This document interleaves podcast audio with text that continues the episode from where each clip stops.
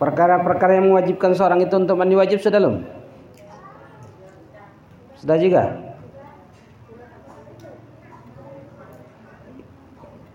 Syarat sahnya wudhu dan syarat sahnya mandi wajib? Sudah. Sudah juga? Perkara-perkara yang batalkan wudhu? Sudah. Perkara-perkara yang batalkan wudhu eh perkara-perkara yang batalkan wudhu sudah? Belum? Itu ya? Baru mulai. Perkara-perkara yang membatalkan wudhu ya. Sekarang kita bahas. Lanjutkan pembahasan adalah sekarang lanjutkan pembahasannya adalah tentang menjelaskan perkara-perkara yang membatalkan wudhu. Perkara-perkara yang membatalkan wudhu ada empat. Yang pertama perkara yang membatalkan wudhu adalah al-kharij min ahadis sabilain min gubulin au dubur rihun au ilal mani. Perkara yang membatalkan wudhu yang pertama adalah keluarnya sesuatu keluarnya sesuatu daripada kemaluan. Baik kemaluan depan ataupun kemaluan belakang. Dari orang yang hidup. Beda kalau orang yang sudah meninggal. Kalau orang sudah meninggal kemudian diwudui setelah diwudui keluar lagi sesuatu batal nggak wudhunya? Enggak. Karena dia sudah meninggal. Makanya di sini hanya keluar dari kemaluan orang yang hidup dikatakan mu'tadan kana amla baik yang keluar itu sesuatu yang biasa keluarnya kotoran kita atau yang tidak biasa. Seperti misalnya contohnya adalah cacing darah kelereng. Apa pun yang keluar itu yang biasa ataupun yang tidak biasa. Lihat kan rihun au baik berupa angin atau bukan. Artinya kemaluan misalnya kentut. Buang angin kentut. Batal nggak? Batal. Dari kemaluan belakang ataupun dari kemaluan depan. Bisa nggak kita kentut dari kemaluan depan? Bisa nggak? Bisa. Bagi perempuan bagi laki-laki nggak bisa, bagi perempuan bisa. Artinya kalau keluar kentut dari kemaluan depan termasuk perkara yang batalkan wudhu bagi perempuan. Ilal mani kata ulama, kecuali hanya mani. Kalau keluar mani tidak membatalkan wudhu tapi mewajibkan dia untuk mandi wa mandi wajib. Nah, ya, Kalau wudhunya nggak batal tapi perkara itu menyebabkan dia untuk mandi wa mandi wajib.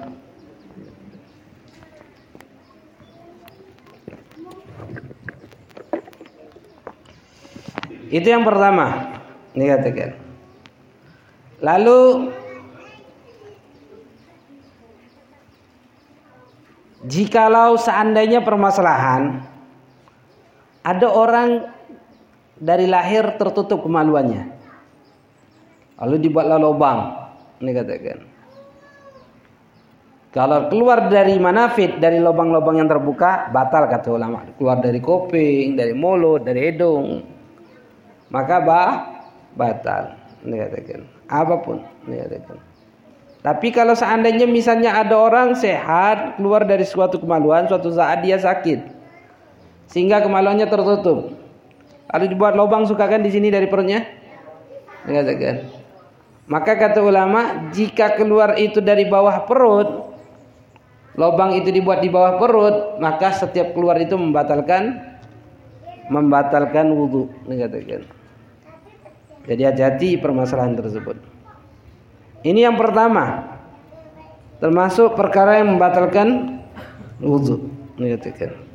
Jadi keluarnya sesuatu dari kemaluan apa pun sifatnya itu termasuk perkara yang membatalkan wudhu.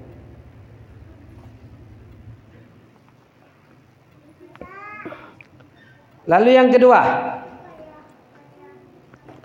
termasuk perkara yang membatalkan wudhu adalah zawal agli binaum au Termasuk perkara yang batal wudhu adalah hilangnya akal. Hilangnya akal dengan tidur atau selain tidur. Kecuali tidur duduk yang pantatnya mantep di tempat duduknya. Artinya kalau kita tidur duduk seperti ini batal nggak wudhunya? Enggak. Kenapa nggak bisa batal? Hah? Kenapa nggak batal? Kenapa? Hah? Kenapa nggak basah? Karena nggak mungkin keluar kentut kita. Pasti kalau orang mau kentut ngangkat sedikit kan? Nyari celah adanya. Mengatakan. Tapi kalau otomatis seperti ini dia nggak akan bisa kentut. Dikatakan. Maka tidak batal. Itu kalau tidur. Beda kalau ngantuk kata ulama. Kalau ngantuk itu tidak membatalkan walaupun tidur tidur telentang. Apa bedanya tidur dan ngantuk? Kalau tidur kata kalau ngantuk kata ulama, kita dengar apa yang dibicarakan tapi nggak paham apa yang diomongin. Seperti bapak-bapak biasanya hari Jumat. Eh, dengar khotib.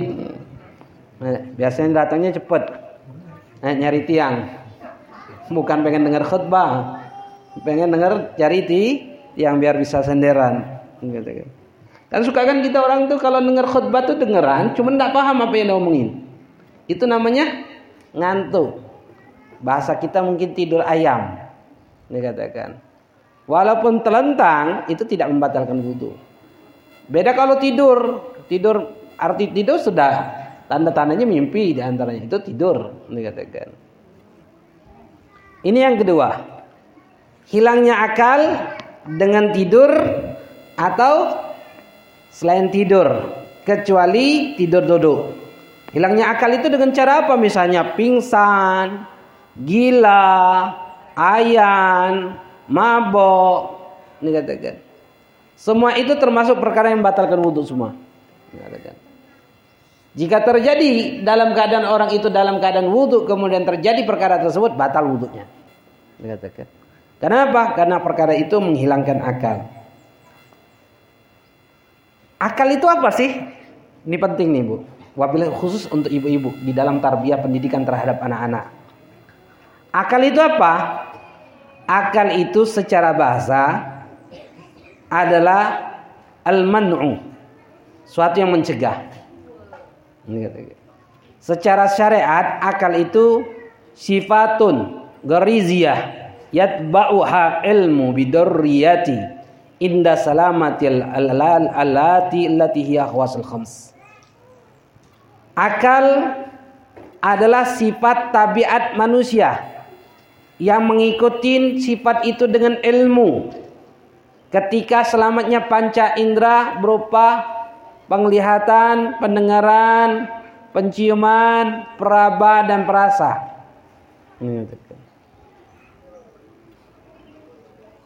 Kita manusia menyerap ilmu dengan lima hal itu. Yang ilmu itu tidak dipelajari lagi, tahu sendiri. Contoh, sifat sifat es apa sifatnya? Dingin. Siapa yang ngajari es itu dingin? Siapa yang ngajarin panas, api itu panas? Siapa yang ngajarin? Gak tahu kita orang. Tahu sendiri. Kenapa? Karena selamatnya panca indera. Karena adanya perasa, adanya peraba.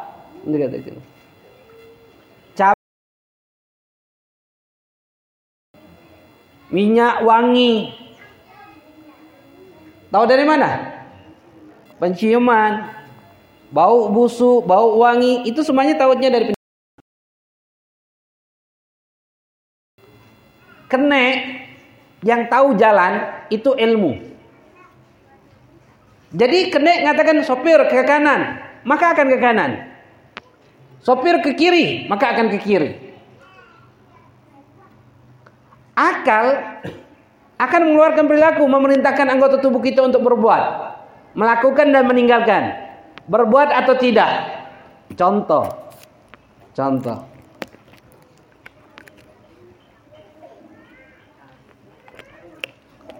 Habib pernah sering ngasih gambaran seperti ini biar kita paham antara akal dan ilmu Berapa air ini? Air mineral ini? Di pasaran? Hah? 3000. Anggaplah 5000. Anggap 5 ri 5000. Kalau sudah dibuka begini, laku nggak? Laku nggak? Bu, nggak. Habib ngomong sama jenengan, Pak, Bu, Habib butuh uang. Habib mau jual ini air minum bekas minum Habib. Siapa yang di antara jenengan yang mau beli? Dengan harga 100 ribu. Satu orang. Ada lagi? Ada lagi? 100 ribu nih. Siap ya? Nanti beli nih. Yang lain nggak mau beli? Bu, Habib ini jual. Bu, nggak ada duit. Nanti bener-bener nggak ada duit. Ayo. Nggak bawa duit. Tapi siap nggak mau beli? Ayo Habib pengen lihat siapa yang mau siap mau beli ini. Siapa yang mau siap? Siap, siap aja. Angkat tangan. Siapa? Satu, dua, tiga, empat. Enggak usah, enggak usah. Enggak, enggak. Sekarang seperti ini. Habib kasih tahu ilmunya. Habib tanya, kenapa sebanyak ini di antara yang banyak ini? Ya, kenapa nggak mau beli ini? Hah? Jawab aja jujur. Nggak bawa duit. Apa? Hah? Jawab aja. Hah? Kenapa nggak mau beli? Mahal. Sudah dibuka. Sudah dibuka. Kenapa jenengan mau beli? Ya, kenapa mau beli? Ngalap berkah. Ngalap berkah. Jadi begitu kita itu akan berperilaku ketika adanya sesuatu kita akan mengeluarkan perilaku. Perilaku itu melakukan dan meninggalkan, berbuat atau tidak. Ini satu contoh. Kenapa Habib doktrin? Kenapa orang yang mau beli ini air minum? Karena beliau katakan ngalap berkah dari Habib. Ini katakan. Tapi kalau bukan Habib yang menjualnya, orang lain mau beli nggak? Nggak. Keluar perilaku, nggak mau. Kenapa? Karena ada doktrin. Jenengan sudah mendapatkan doktrin. Doktrinnya apa? Karena Habib. Habib siapa? Guru. Guru siapa? Kata ulama, laulam rabbi ma'araftu rabbi. Kalau bukan karena guruku, aku tidak akan pernah mengenal siapa Tuhanku. Guru lebih afdol, lebih utama daripada orang tua kita. Orang tua kata Rasulullah ada tiga. Orang tua yang melahirkan kita, orang tua yang melahirkan pasangan hidup kita dan guru kita. Di antara tiga, tiga ini yang paling afdal adalah guru. Guru mempunyai kedudukan tinggi di sisi dalam syariat. Ini katakan. Guru harus kita ikutin. Kalau seandainya orang tua saja kita harus patut untuk kita taat. Terlebih-lebih jika itu adalah guru kita orang. Jika Habib bilang Habib butuh uang, Habib mau jual ini yang terdoktrinkan bahwasanya ini adalah Habib gurunya. Ini katakan, dia akan mengatakan saya yang beli Habib.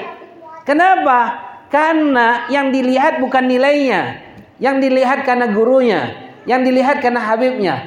Tapi beda yang tidak mau beli. Dia akan berpikir, ah itu harganya 3000 sudah dibuka lagi, sudah diminum lagi. Mau jual 100 ribu siapa yang mau beli? Doktrin dunianya lebih kuat sehingga dia tidak mau berbuat. Begitu juga dalam kehidupan kita orang. Kita di dalam terhadap anak, terhadap suami, terhadap istri. Tergantung cara pandang kita melihat sesuatu itu. Jika cara pandang kita rendah, maka perilaku yang keluar pun akan rendah.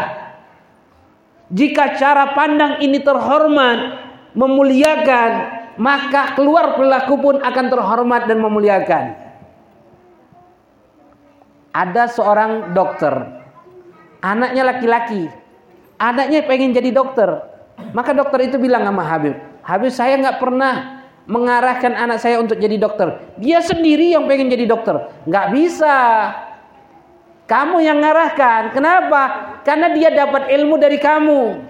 Ilmu dari mana? ilmu itu diserap dari lima hal. Dari penglihatan, penciuman, pendengaran, peraba dan perasa. Dia melihat, dia mendengar, dia mencium, dia merasakan, dia dia meraba. Keluar ilmu. Mendapatkan ilmu sehingga keluar perilaku pengen jadi dokter juga. Semuanya.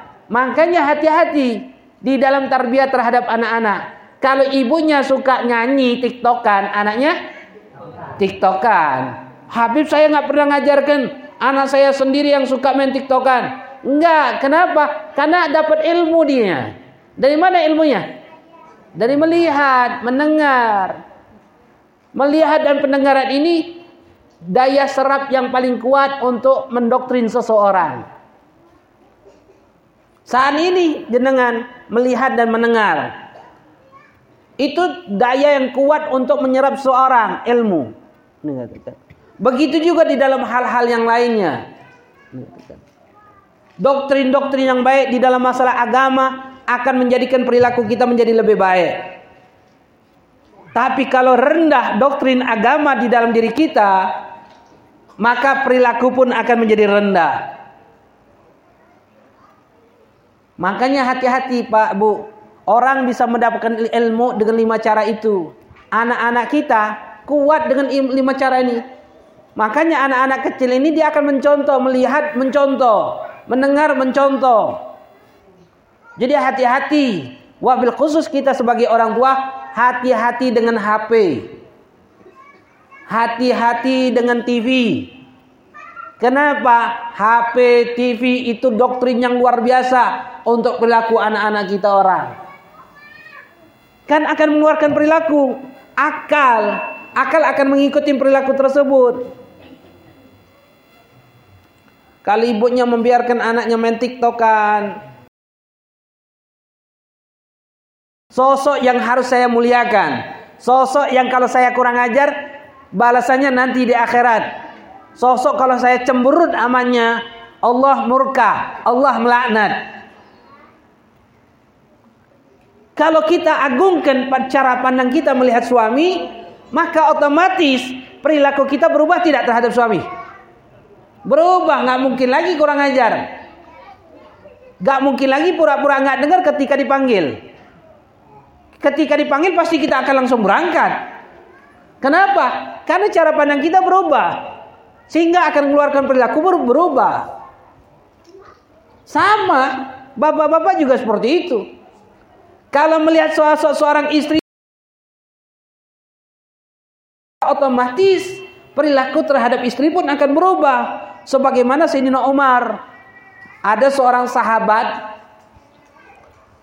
dia pegel sama istrinya. Dia pengen menceraikan istrinya.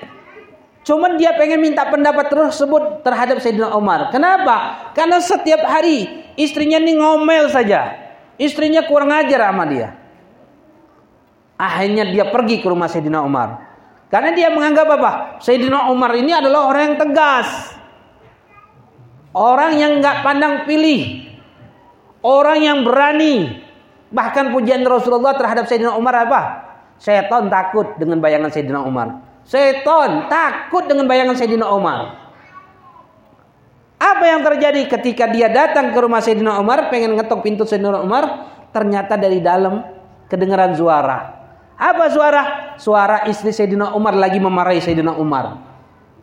Pada saat itu Sayyidina Umar diam. Didengarin tidak ada sautan dari Sayyidina Umar. Dia berpikir, kok Sayyidina Umar seperti ini? Dia katakan, maka suaminya istrinya tersebut ngomelin Sayyidina Umar. Diam saja Sayyidina Umar tidak menjawab. Dia katakan, Akhirnya ini sahabat nggak jadi melaporkan hal itu kepada Sayyidina Umar. Dia pikir apa? Gimana saya mau laporkan hal perilaku istri saya terhadap Sayyidina Umar? Sayyidina Umar saja seperti ini terhadap is istrinya. Akhirnya berbalik. Ketika sahabat itu balik dari depan rumah Sayyidina Umar, Sayyidina Umar keluar. Melihat sahabat Rasul. Eh sahabat mau ke mana kau? Oh enggak Sayyidina Umar saya lewat saja sini. Nggak mungkin. Tidak ada orang yang lewat sini kecuali pengen ke rumah saya. Ada apa? Enggak, Sayyidina Umar enggak ada apa-apa. Ayo cerita, ada apa? Maka sahabat itu cerita, "Ah, oh, Sayyidina Umar, saya datang ke sini sebetulnya pengen melaporkan perilaku hal terhadap istri saya. Ini hanya anak yang menyenangkan hati kita saja di dunia. Maka kita akan senangkan dia hanya di dunia saja. Kita tidak akan pikirkan akan akhirat dia. Tapi jika pandangan kita melihat anak ini, anak adalah amanat yang dititipkan oleh Allah kepadaku. Anak ini akan menjadikan beban hidupku nanti di akhirat. Kalau aku tidak pandai mendidiknya, nanti akhirat aku susah masuk surga. Dia adalah orang yang pertama kali yang akan menuntut diriku. Maka kalau ini pandangan kita terhadap anak, otomatis kita akan lebih di dalam tarbiyah pendidikan terhadap anak kita. Kita tidak akan biarkan dia berlaku lalai. Kita tidak akan biarkan dia nggak bisa sholat. Kita tidak akan biarkan dia tidak bisa ngaji. Kenapa? Karena beban pertanggungjawaban nanti di akhirat. Kalau cara pandang ini berubah, maka perilaku pun akan berubah. Begitu juga cara pandang kita terhadap orang tua. Kalau kita melihat orang tua kita dengan cara pandang yang biasa, maka kita pun akan berlaku biasa saja. Tapi jika cara pandang kita berubah, Bu, Pak, melihat orang tua kita, ini orang tua kita, surga di telapak kaki orang tua kita. Al-Quran Allah melarang berkata ah saja. Sayyidina Ali mengatakan kalau seandainya ada orang ibadahnya luar biasa, sedekahnya luar biasa, tapi dia berlaku kurang ajar terhadap orang tua, maka Allah haramkan surga bagi dia. Tapi jikalaupun orangnya biasa saja, ibadahnya biasa saja, amalnya biasa saja, tapi punya bakti kepada orang tua luar biasa, maka surga yang akan menantinya. Kalau kita punya cara pandang terhadap orang tua kita, untuk melihat sosok yang luar biasa terhadap orang tua kita, maka niscaya kita perilaku kita pun akan beda terhadap orang tua kita. Kita tidak mungkin kurang ajar terhadap orang tua kita. Kita akan mendahulukan orang tua kita. Wabil khusus, wabil khusus adalah kaum suami, kaum laki-laki. Ingat, orang tua harus kita dahulukan dibandingkan istri kita. Bu, Jangan sampai suaminya mendahulukan jenengan dibandingkan orang tuanya. Suami jenengan mendahului anak-anak jenengan dibandingkan orang tuanya. Jika itu terjadi, suami jenengan lebih mendahulukan jenengan, lebih mendahulukan anak-anak jenengan dibandingkan ibunya, dibandingkan bapaknya, maka jenengan berarti punya suami yang durhaka kepada orang tuanya. Na'udzubillah, teman na'udzubillah. Ingat itu. Jangan sampai dibiarkan suami kita mendahulukan orang tua kita atau mendahulukan kita atau mendahulukan anak-anak kita. Tapi yang harus dia dahulukan adalah orang tuanya. Bu, ingat-ingat. Jika suami pulang bawa oleh-oleh, suami pulang bawa hadiah. Ingat tuh Bilang sama suami, orang tuamu sudah dikasih belum? Ibumu sudah dibelikan belum? Kalau itu hadiahnya cuma satu, bilang sama suami, lebih baik kakak, bapak, ayah kasih ibu. Kami nggak usah dikasih, biarkan. Ingat tuh, jika kalian berlaku seperti itu, jenengan berlaku seperti itu, maka cara pandang jenengan akan berubah terhadap suami. Maka suami pun akan berubah cara pandangnya terhadap jenengan. Pak, Bu, Bu, perhatikan. Bau badan, bau busuk, dekat sama suami, dekat sama sua, suami, atau sebaliknya, Pak, Bu, Bapaknya bau badan, bau busuk. Dekat sama jenengan. Jenengan mencium bau busuk samping bapaknya, samping ibunya. Maka yang keluar perilaku, perilaku baik atau buruk? Baik atau buruk? Lihat suaminya bau busuk. Lihat istrinya bau busuk. Hah? Keluarkan perilaku dari kita orang. Pertanyaan perilaku baik atau buruk? Buruk. Kenapa? Karena selamanya panca indera berupa ciuman. Makanya kalau kita wangi akan keluar perilaku baik. Bu, jenengan kalau cantik-cantik di hadapan suaminya, maka keluar perilaku baik atau buruk?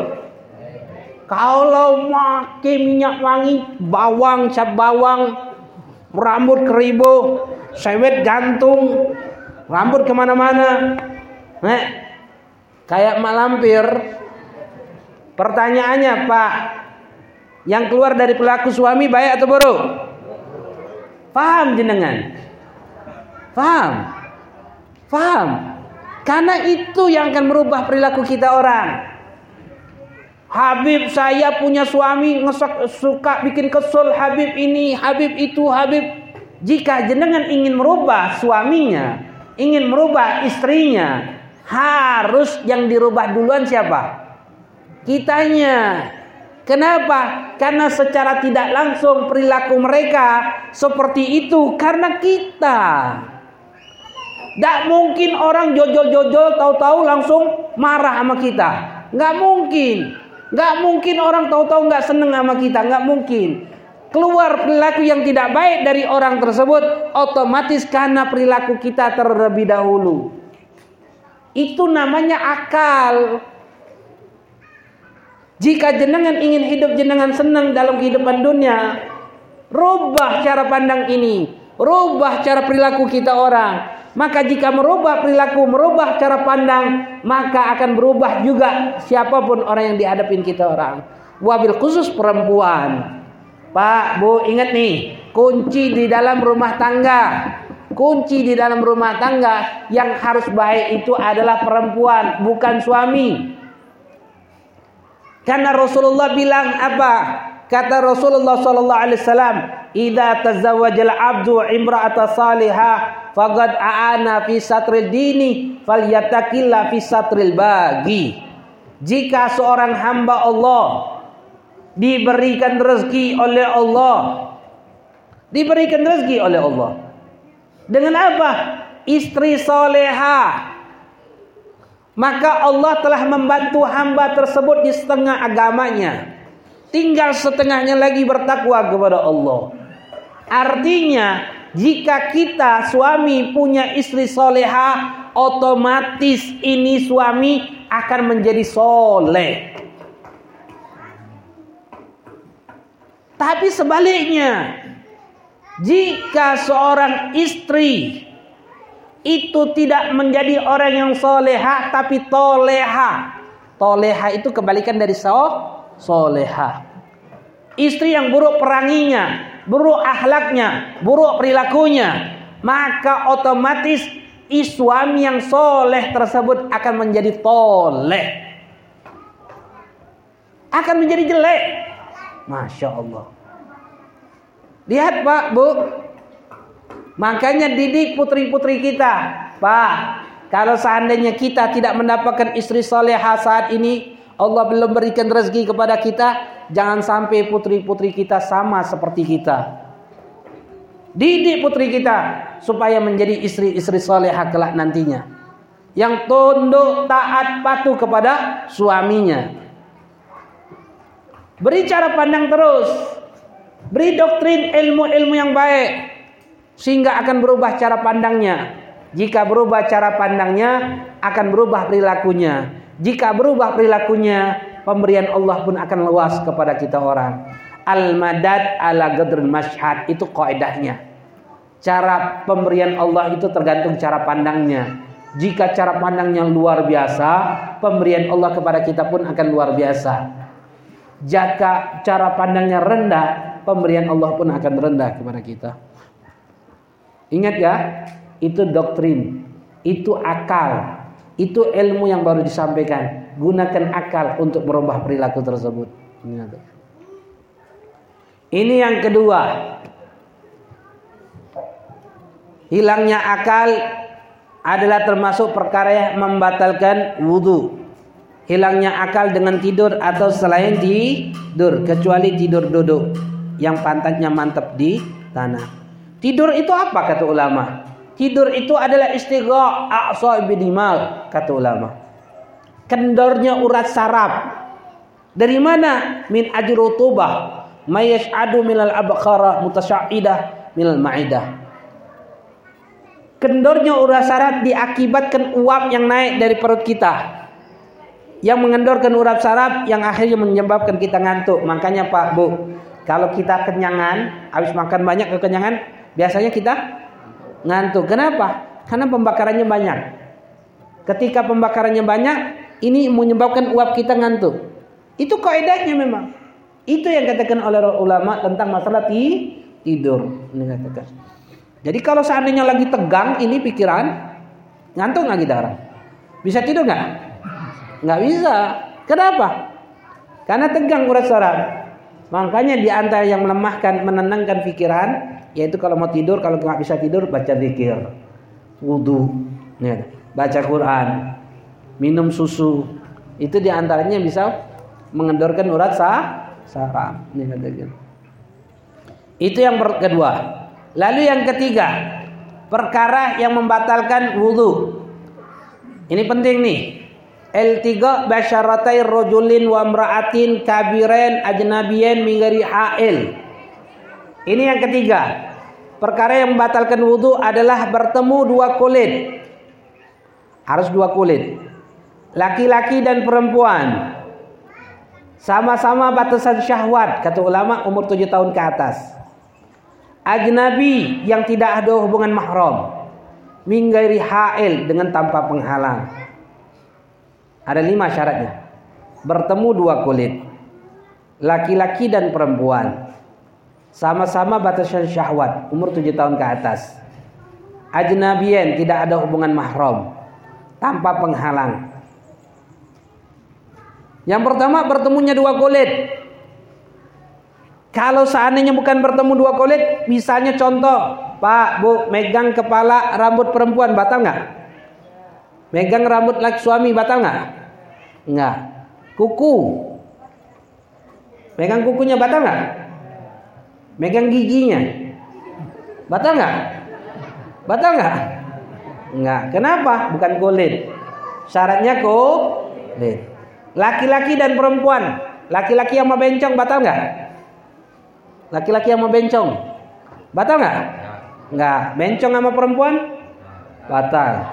Mengatakan. Kabiren yang sama-sama besar. Batasan syahwat kata ulama. Sama-sama besar ini apa? Sekitar umur 6 tahun ke atas, 7 tahun ke atas. Dikatakan. Umum lihatnya. Jadi megang anak perempuan atau megang anak laki-laki yang umur 6 tahun ke atas, 7 tahun ke atas, itu jika kita pegang batal wudhu kita. Ba, batal wudhu kita. Sentuhan sama suami istri batal nggak? Batal. Suami istri mahram kan? Bukan. Dia orang lain yang dihalalkan dengan pernikahan. Jadi senggolan nama dia bah, batal wudhunya. Ajnabien yang bukan hubungan mahram. Beda kalau mahram. Kalau mahram tidak batal. Orang lain. Mahram ada berapa? Ayo Bu, Pak, ada berapa? Mahram. Ada 18. Dibagi menjadi tiga. Catat nih. Bu, yang mau catat catat. Dibagi menjadi tiga. Yang pertama, mahram dengan sebab nasab. Siapa itu? Orang tua kita ke atas. Kalau laki-laki adalah ibu kita, ibunya ibu kita terus ke atas. Kalau bagi perempuan bapaknya, bapak bapaknya terus ke atas orang tua. Yang kedua adalah anaknya ke bawah kita. Anak kita, anaknya anak kita terus ke bawah. Yang ketiga adalah saudara kita atau saudari kita. Saudara dan saudari ini sekandung, sebapak atau seibu. Sekandung, sebapak atau seibu. saudara. Kalau nggak sekandung, nggak sebapak, nggak seibu, mahram kan?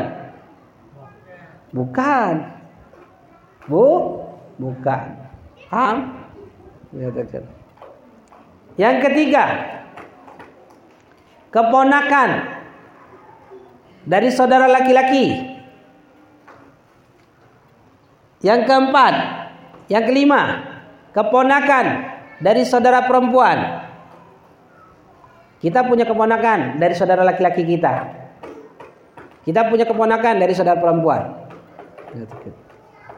Yang keenam, bibi kita dari sebelah bapak atau paman kita dari sebelah ibu. Paman dan bibi dari sebelah bapak. Yang ketujuh, paman dan bibi dari sebelah ibu. Paham? Saudara bapak. Saudara ibu mahram tidak sama kita?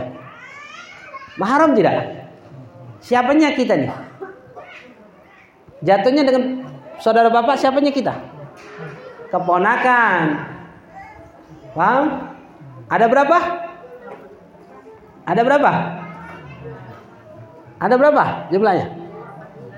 Hah? Ada? Tujuh. Tujuh baru. Orang tua kita, anak kita, saudara kita, keponakan dari saudara laki-laki, keponakan dari saudara perempuan, saudara bapak, dan saudara ibu. Bibi, anak, paman. Saudara bapak dan saudara ibu. Ada berapa? Tujuh. Paham? Paham ya? Itu mahram. Mahram itu siapa? Mahram itu Mahram itu tulis nih. Mahram adalah orang yang diharamkan untuk kita nikahi. Pertama, haram bagi kita untuk kita nikahi. Yang kedua, mahram itu tidak batal wudhunya kalau sentuhan. Yang ketiga, tidak diharamkan kalau sentuhan. Yang keempat, auratnya dengan kita pusat amalutut auratnya pusat amalutut. Artinya auratnya jenengan ama anak pusat amalutut. Auratnya anak amat jenengan pusat amalutut. Auratnya paman pusat amalutut. Auratnya bibi pusat amalutut. Auratnya keponakan pusat amalutut. Paham? Pusat sampai lutut itu auratnya. Mahram itu siapa? Yang pertama? Haram untuk kita nikahi. Yang kedua, tidak batal wudhu. Yang ketiga, tidak haram sentuhan nama mereka. Yang keempat, auratnya adalah pusat sampai lutut. Itu mahram. Ada berapa? Ada 18 dibagi tiga. Yang pertama tadi mahram dengan apa? Sebab apa? Nasab. Yang kedua, mahram dengan sebab suson. Mahram dengan sebab susuan. Nyusu. Ini misalnya contoh. Ini perempuan namanya Aqua.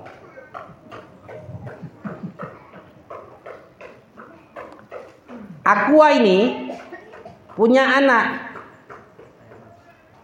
namanya Mik. Habib tanya, ini mahram dengan sebab nasabnya ada berapa? Ada berapa tadi? Tujuh kan ini ibunya, pamannya, bibinya, ponakannya, paham? Paham ini?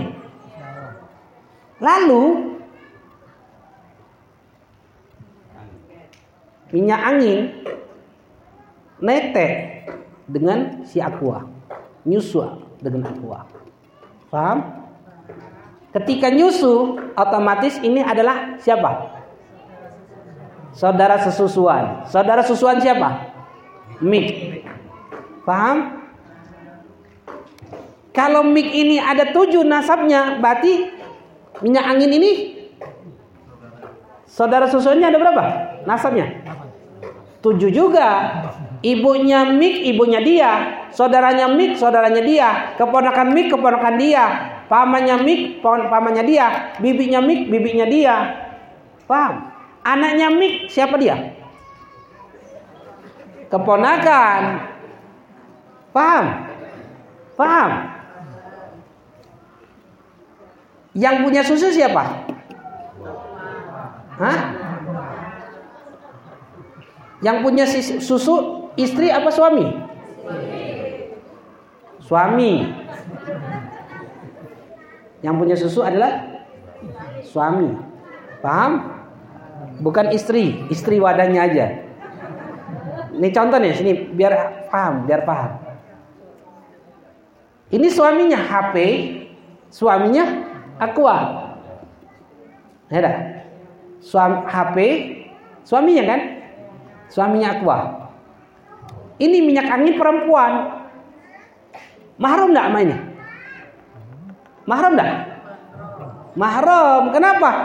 Karena bapaknya. Bapaknya kan? Bapaknya kan? Benar nggak? Cerai sama HP. HP ini kan punya saudara. HP ini punya saudara. Pipet. Pipet. HP punya saudara, Pipet. Siapanya ini? Hah?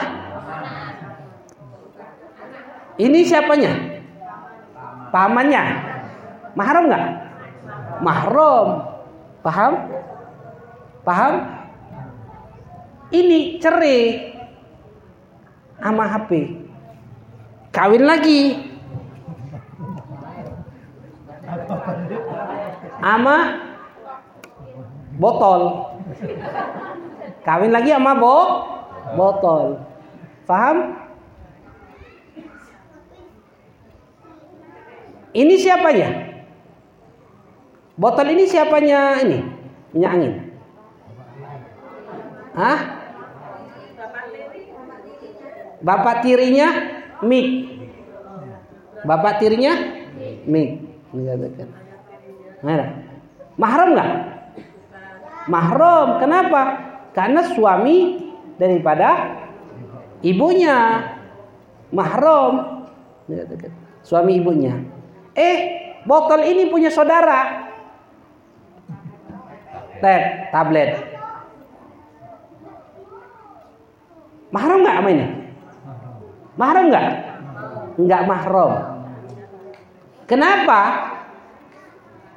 Karena orang lain ini yang mahram itu adalah suami ibunya saja.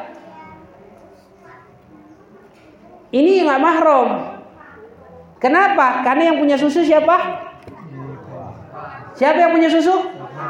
HP. Jadi mahramnya ke sini. Ini punya susu nggak? Enggak. Paham? Ini nggak punya susu. Jadi nggak mahram sama dia. Yang punya susu siapa? HP bapaknya, suaminya. Paham? Dikatakan. Jadi yang punya susu inilah yang akan mahramnya. Terus mahram terus ke sini. Saudaranya itu mahram. Orang tuanya jadi kakeknya mahram. Dikatakan. Ama ini nggak ada hubungan. Paham? Paham? Jadi mahram dengan sebab suson ada berapa? Ada berapa? Suson. Mahram dengan sebab suson. Tujuh juga sama seperti mahram dengan sebab na nasab. Paham? Ya kan? Mahram dengan sebab nasab, eh mahram dengan sebab suson itu sama seperti mahram dengan sebab na nasab. Tujuh juga. Seperti ini tadi mik kan ibunya, orang tuanya, anaknya, bibinya, bibinya, saudara papanya, saudara ibunya. Mahram kan? Begitu juga dia. Paham? Paham? Terus ada berapa itu sudah jumlahnya? 14. Yang ketiga. Bagian yang ketiga, mahram dengan sebab pernikahan. Mahram dengan sebab pernikahan. Mahram dengan sebab pernikahan yang pertama, zaujatul ab. Istri bapak kita istri bapak kita. Siapa? Istri bapak kita siapa? Hah? Ibu itu adalah nasab mahram. Istri bapak siapa? Ibu tiri. Bapak kita istrinya empat. Kita dari ibu yang pertama. Kedua dan ketiga keempat itu adalah istri bah mahram. Mu'abad selama-lamanya yang namanya mahram selama-lamanya. Habib, ada nggak mantan ibu tiri? Nggak ada. Habib diceraikan oleh bapak, boleh nggak kita kawini? Nggak boleh. Paham? Itu yang pertama. Zaujatul ab. Yang kedua. Bintu zaujah. Bintu zaujah. Putri daripada istri kita. Siapa? Putri daripada istri kita siapa? Anak bawaan. Mahram, ingat nih, mahram jika kita sudah tidur sama ibunya. Kita kawin sama janda yang punya anak. Itu mahram anaknya kalau sudah tidur sama ibunya. Anaknya mahram. Kalau belum tidur sama ibunya, anaknya mahram kan? Enggak. Kawin sama ibunya. Tahu-tahu ibunya ngomong, "Wahai suamiku, ini putri kita, putri saya. Ternyata putrinya lebih cantik dari ibunya. Cerikan ibunya kawin sama putrinya boleh nggak? Boleh nggak? Boleh. Kenapa? Kenapa? Karena belum tidur sama istrinya. Paham? Tapi kalau sudah tidur sama istrinya, lalu istrinya ngomong, wahai suamiku, ini putri kita ternyata lebih bah, lebih cantik deh. Bisa nggak dicerikan? Bisa nggak kawin sama putrinya? Nggak bisa, langsung mahram.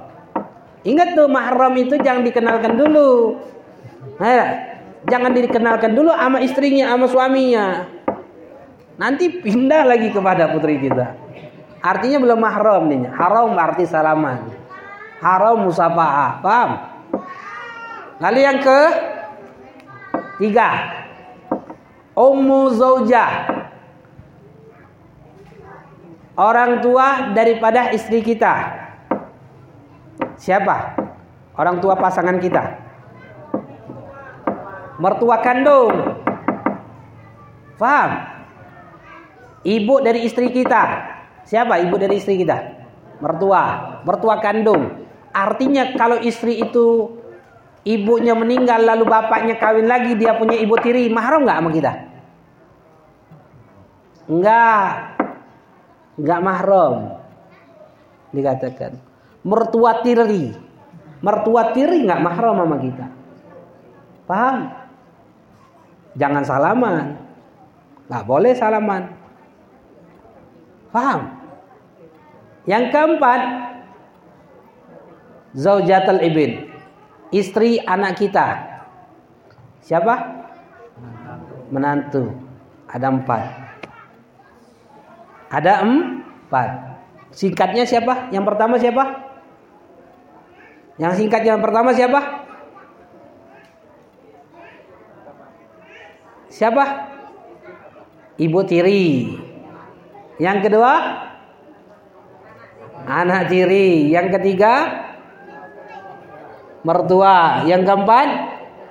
Menantu. Itu yang gampangnya ibu tiri, anak tiri, mertua dan menantu. Tapi ingat, itu harus kan kandung.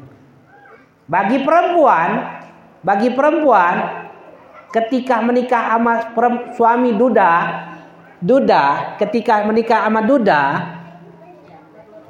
ketika menikah langsung anak duda itu mahram. Nggak harus tidur dulu sama bapaknya.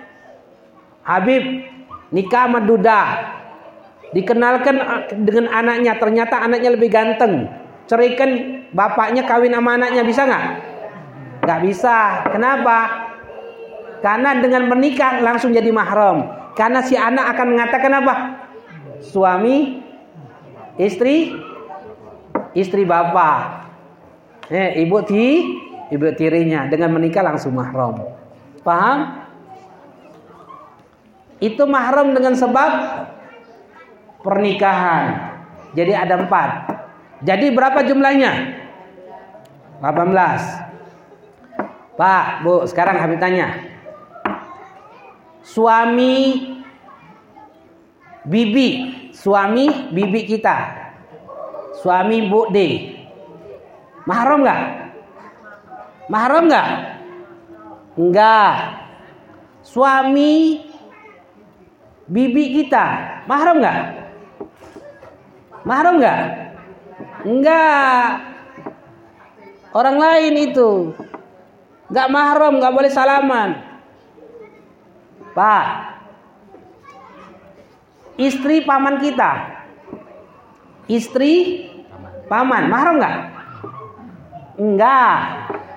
Pamannya mahram, istrinya enggak mahram. Kita ini dianggap siapanya? Keponakan suami, keponakan is istri mahram enggak? Keponakan istri mahram enggak? Enggak. Pak, Bu, keponakan suami mahram enggak? Enggak. Jenengan bisa nggak kawin sama keponakan suami? Bisa. Cerai dulu. Paham?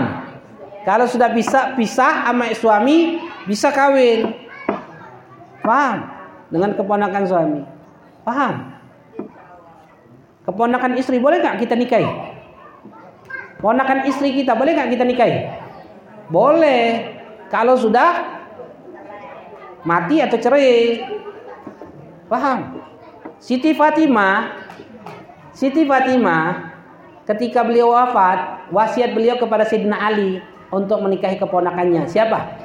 Umamah. Umamah itu adalah keponakan Siti Zainab. Anaknya Zainab, keponakan Siti Fatimah. Paham? Anak paman, anak paman. Bu, anak paman. Mahram enggak? Mahram enggak?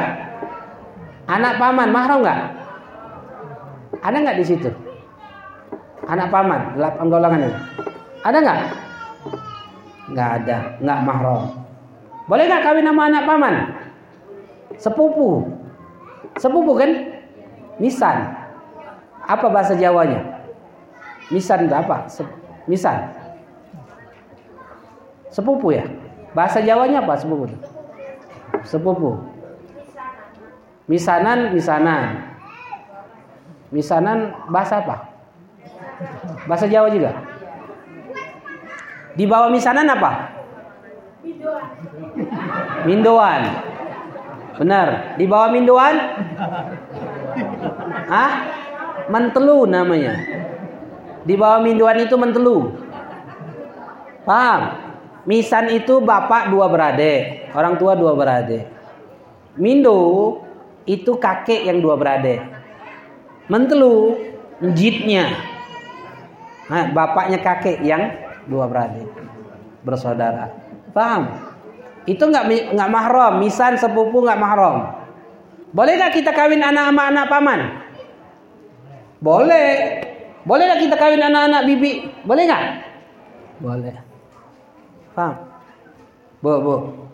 Ada janda punya anak satu perempuan. Ada duda HP punya anak laki-laki satu mik. Paham? Bapaknya ngambil ibunya, anaknya boleh nggak ngambil anaknya? Boleh nggak? Boleh, nggak mahram. Janda sama duda kawin. Punya anak satu, anaknya pipet. Ini siapanya? Siapanya pipet? Saudara si ibu. Ini siapanya pipet? Saudara sebapa. Ini bisa nggak kawin ke sini? Ini bisa nggak kawin sini? Dia ngomong, saudaraku kawin sama saudaraku. Saudaraku kawin sama Boleh nggak saudara kawin sama saudara? Kecuali satu permasalahan. Saudaraku kawin dengan saudaraku. Saudaraku seibu kawin dengan saudaraku sebapak. Ini kawin sama ini. Boleh nggak? Boleh. Paham? Paham? Mahram. Siapa lagi yang mau ditanya mahram? Nanti, tanya jawab nanti habis ini. Kita selesaikan ini pertanyaan. Terus itu kan mahram ya, sudah paham ya? Ada berapa mahram? Ada 18. Hafal itu paham tentang siapa mahram. Dikatakan. Kemudian bertemu dua kulit laki-laki dan perempuan yang bukan mahramnya. Nah, yang sama-sama batasan syahwat sudah besar, umur 6 tahun ke atas. Minggairi hail dengan tanpa penghalang. Artinya kalau pakai penghalang batal nggak? Misalnya begini nih. Batal nggak? Nggak batal. Salaman sama suami batal nggak wudhu? Makanya jenengan kalau suami pengen salaman habis sholat, salaman nggak? Salaman habis sholat? Enggak. Hah? Jawab jujur, jujur. Salaman nggak habis sholat? Ya. Bu, jenengan itu ingat ini. Setiap habis sholat, salaman, musyafahah. Cium tuh tangan suami. Bolak balik. Paham? Kayak suaminya salaman sama Habib. Biasain sudah salaman bolak-balik. Paham? Salaman. Pulang dari sini salaman. Supaya nggak batal, dibungkus tangan suaminya. Paham? Baru musabah. Biar nggak bah, habisnya sholat lagi mau sholat sunnah. Paham? Mau tidur, mau pergi, pergi majlis nih, siapa yang salaman? Ada satu. Satu orang.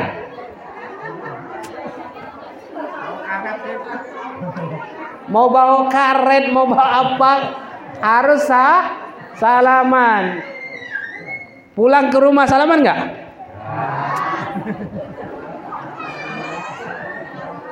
Ya Allah. Kesian suaminya. Kesian sua. Salah siapa? Salah suami. Karena nggak mengajarkan. Istrinya pura-pura nggak mau tahu. Ya bu, mulai dari sekarang biasakan sah salaman sama sua, suami. Itu yang ketiga. Lalu yang keempat, perkara yang membatalkan wudhu.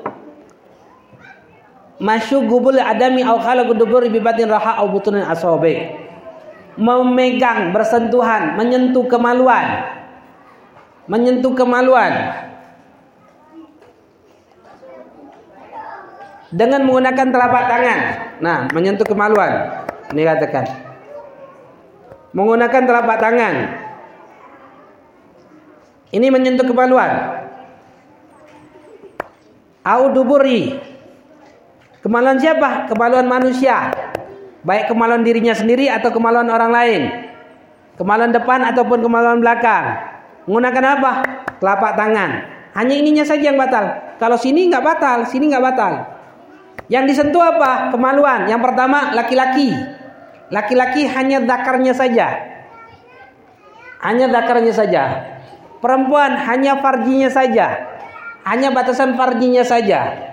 Kemudian dobornya saja, anusnya saja. Yang dipegang menggunakan telapak tangan. Jika menyentuh sengaja dan sengaja, baik hidup atau mati, baik punya dirinya sendiri atau punya orang lain menyentuh dengan menggunakan telapak tangan, maka menyentuh itu membatalkan wudhu. Dikatakan, paham? Pak, Jawab Pak ya. Jika laki-laki megang seperti ini nih. Nah, kencing megang seperti ini. Batal nggak wudhunya? Batal nggak? Batal nggak? Batal nggak? Batal. Karena kencing. Karena bilang kalau megang sama gini kencing nih, batal nggak? Batal. Karena kencing. Tapi kalau nggak kencing batal nggak? Nggak. Lihat, paham ya? Empat perkara yang batalkan wudhu. Ingat ya, empat perkara yang batalkan wudhu. Jadi kita ingat ya. Yang pertama keluar sesuatu dari kemaluan, batal. Yang kedua hilangnya akal dengan tidur atau selain tidur kecuali tidur duduk. Yang ketiga bersentuhan laki-laki dan perempuan yang bukan mahram. Yang keempat menyentuh kemaluan. Hanya empat perkara ini yang batalkan wudhu. Selain empat ini nggak ada yang batal wudhunya. Megang tai, ada tai ayam, ada tai kebun, pegang di rumah-rumah. Batal nggak? Batal nggak? Enggak. Najis saja, cuci saja. Tapi nggak batal wudhu. Makan, batal nggak? Ngerokok, ngerokok. Batal nggak? Boleh nggak ngerokok? Haram.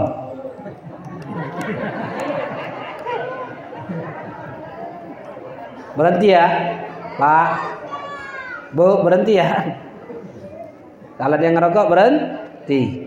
Kata Habib Abdullah Al-Haddad, Imam Imam Al-Haddad, orang yang belum bertaubat dari rokoknya 40 hari sebelum kematiannya, maka matinya dalam keadaan su'ul khatimah. Matinya dalam keadaan su'ul khatimah, mati dalam keadaan buruk. Na'udzubil lah. Ayo berhenti Pak, Bu. Setidak-tidaknya belajar ngurangi. Belajar ngu, ngurangi.